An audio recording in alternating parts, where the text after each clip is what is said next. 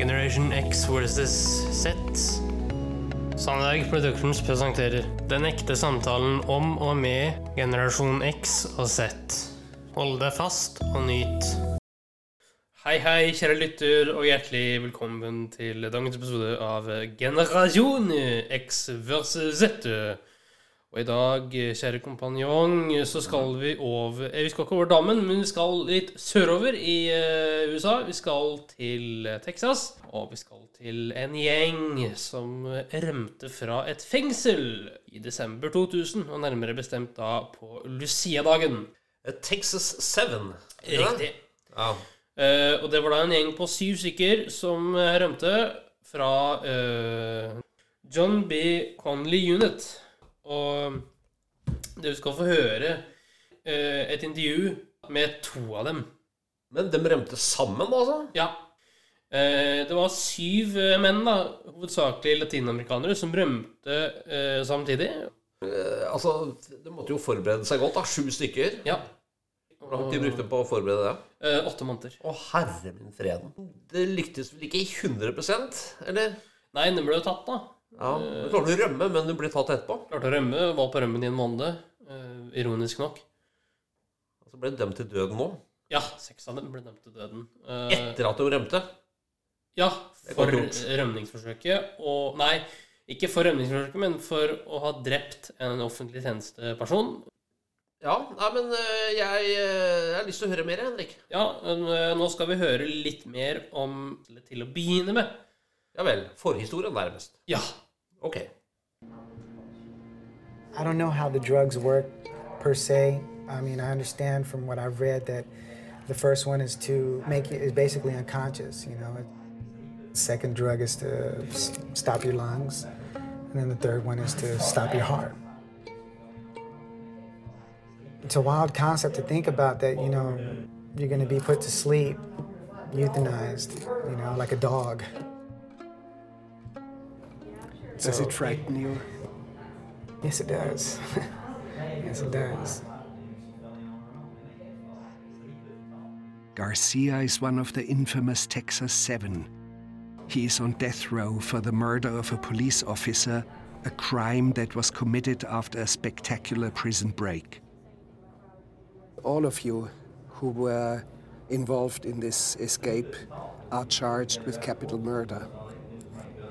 Basically, yeah, the law states that on the law parties, if you are convicted, that because of your co-defendants' uh, responsibilities in that crime, that you are held responsible along with them.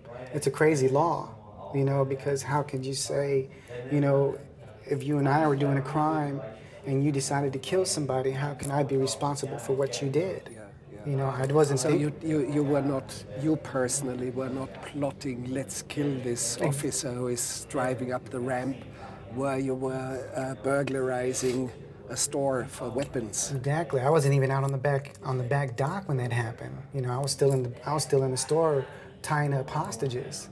You Yes. know, when that activity. I mean, when that. Yeah, when which that was bad enough, let's face it.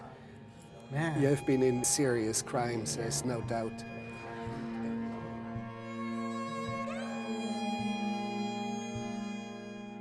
Prison museum in Huntsville contains mannequins of the bad guys. The Texas Seven feature prominently among them. Here, Joseph Garcia. The mastermind was George Rivas, who had a long rap sheet for robberies. I was robbing businesses with a handgun. And uh, I would either pose as security or as a late shopper and take over the store. Then, uh, using the clothing of the employees there, I go and uh, empty the safe and whatever I could carry and then leave. My first conviction of the first robbery, um, I ended up with 10 aggravated life sentences for one store. But uh, there was no murder, there was no bloodshed. No, what they did here in Texas, they say here in Texas that if I'm telling you that this is a robbery and one of your coworkers hears me, they count it as two robberies now. And whatever amount of employees are in the store or customers, but there was always employees only, no customers. they charged me with an individual count of kidnapping because I told them to move from point A to point B during the commission of a crime. I came out with 10 aggravated life sentences. Consecutive? Yes, that means stacked. That means I had to do the time, which was in 93 it was 15 years before you're eligible for parole. So I had to do 15 years on one life and then start the parole process for the second life and so on to 10. Well, in June of 95, I was uh, again tried for another robbery. And this time it was, uh, again, the two counts of aggravated robbery and five employees this time. So another seven aggravated life sentences stacked on top of the first 10. So now I have 17 life sentences. And then, Do I see it right? Uh, you were some sort of a gentleman robber. You yes, would sir. explain that you like to have all the employees together and uh, ask yes, them, don't do anything stupid. Yes, I, in fact, one time I had a person in one of the robberies tell me to shoot him. And uh, I had to talk him out of it. He had a very long day, he was very stressful.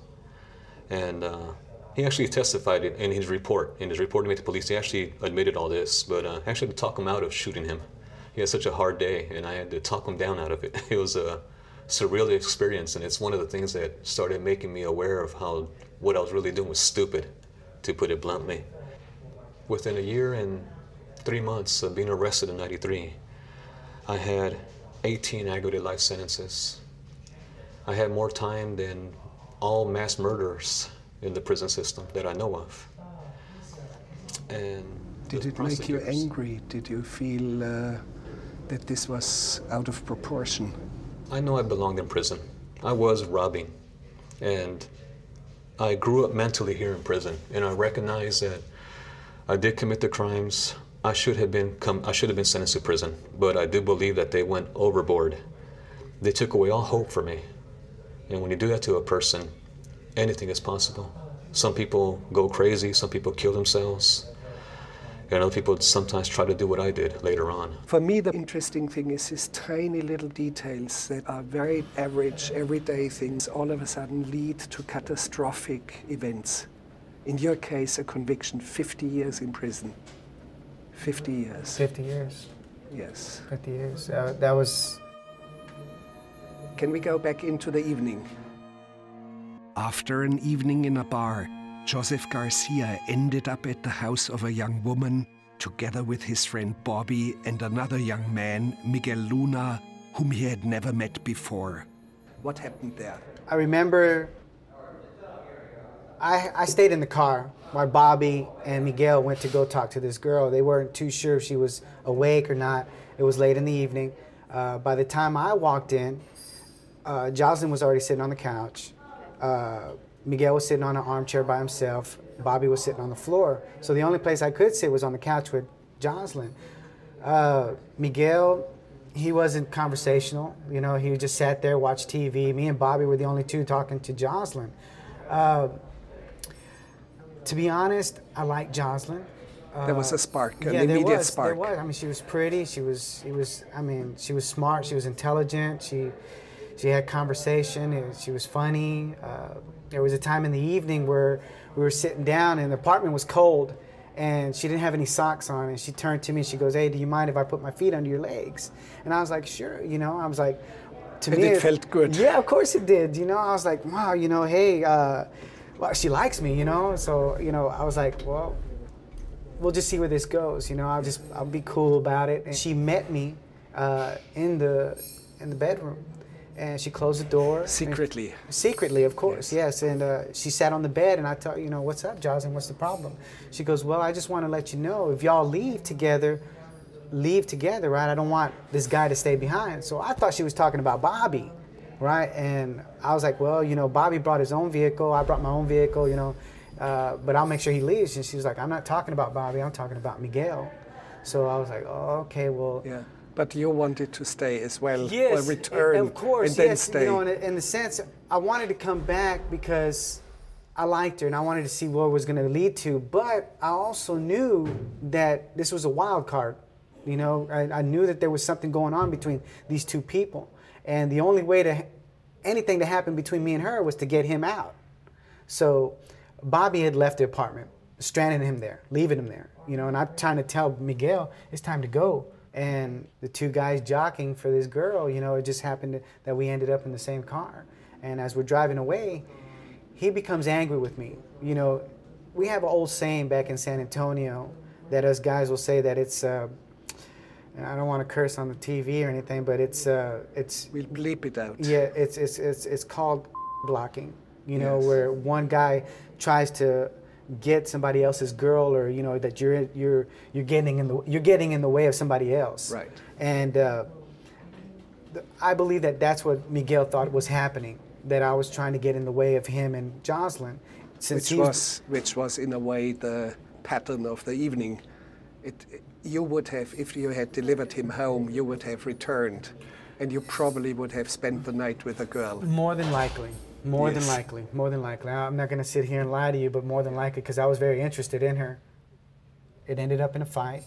Uh, he started beating me while I was in the car driving, you know, and it was just, I tried everything that I could do to get him off of me, you know, even pleading with him, you know, stop, you know, beca- you know, how, I can't, I can't protect myself while I'm driving a stick gear, you know, so the next thing I know is waking up because I think he got a I, he must have got a good shot because I must have passed out because the next thing I know he's sitting on top of me and he's choking me and he's hitting me and he's telling me I'm gonna fucking kill you I'm gonna fucking kill you you know He claims that he was beaten by Luna and choked to the point of unconsciousness. When he came to, Luna had taken the car keys and was pacing around outside in a rage. I opened the door I went to hit the seatbelt and my back of my hand fell across the blade which was sitting on my belt horizontally. It was my butterfly knife that I just I happened to leave on my belt that morning. Uh, I pulled it out I extended it. I, by the time I got out of the car it was it was extended it was ready. I put my hand out in front to stop him to you know hey please stop you know just Yeah. hey I'm trying to talk I can barely talk. I'm you know I'm struggling. I'm trying to breathe and I'm bleeding from my nose and my eye and and my lips and I'm telling them you know stop. You know give me back my keys right? You, look look man I got a knife.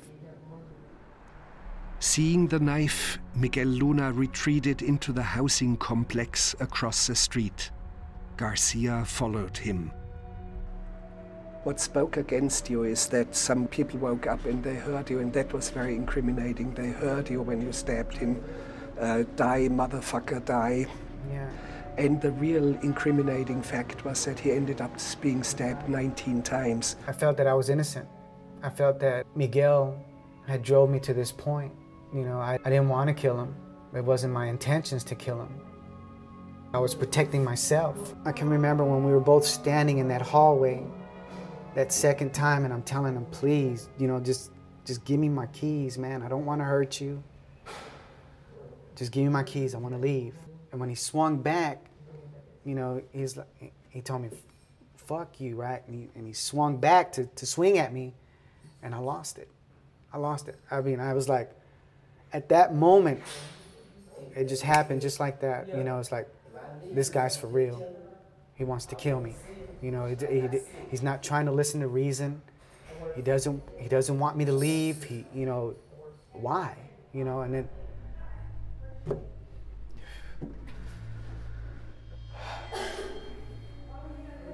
Yes, I, I lost it. I lost it. I lost it. I mean, it just. I didn't. I didn't stop stabbing Miguel until he stopped moving. The only thing I could do was turn to my side, and I saw this door, and I, I started banging for help. You know, I, I went and knocked on her door, and or whoever's door that was, and I remember seeing like a 13A or 13B or something, and I remember knocking on the door, and I just, please help, you know, send the ambulance, send an ambulance. And I, my handprint is on that door. You know, it's my handprint on that door. It was a highly intelligent plan, executed with military precision. Uh, you overpowered people without bloodshed. Yes, sir. You tricked the guard towers and everyone into uh, just letting you drive out. It was 13 officers and three inmates. What Ja, altså Var de så gærne? Ja, han ene hadde jo drept noen, og så han andre hadde jo rant ganske bra. Ja. Eh, men det fengselet det var, var litt sånn høyrisikofengsel. Høy sikkerhet, ja. Og så jeg skjønner fremdeles ikke at syv mennesker da klarer å rømme fra et sånn type eh, fengsel, men eh, Nei, altså det krever god planlegging og veldig mye logistikk. ja. Og det er jo egentlig faget ditt, da, Henrik. Ja, jeg er jo fagmann, og jeg tenkte faen, det er godt gjort. Ja, det må jeg si. Tell me more. Uh, nei, det de gjorde, som vi også fikk høre i klippet her, det var at de uh, kledde seg ut som renholdsarbeidere. Og de hadde jo kapra noe politiuniformer og sånn òg, for å komme seg til vakttårn og så videre, og så komme seg videre da til uh, vedlikehold, da. Ja. Uh, vedlikeholdsavdelingen i fengselet. Og de gjorde det da når vaktene og sånn spiste. Dette er jo del én. Det er del 1. Og i del 2 neste uke så skal vi høre litt mer om kjernen i saken.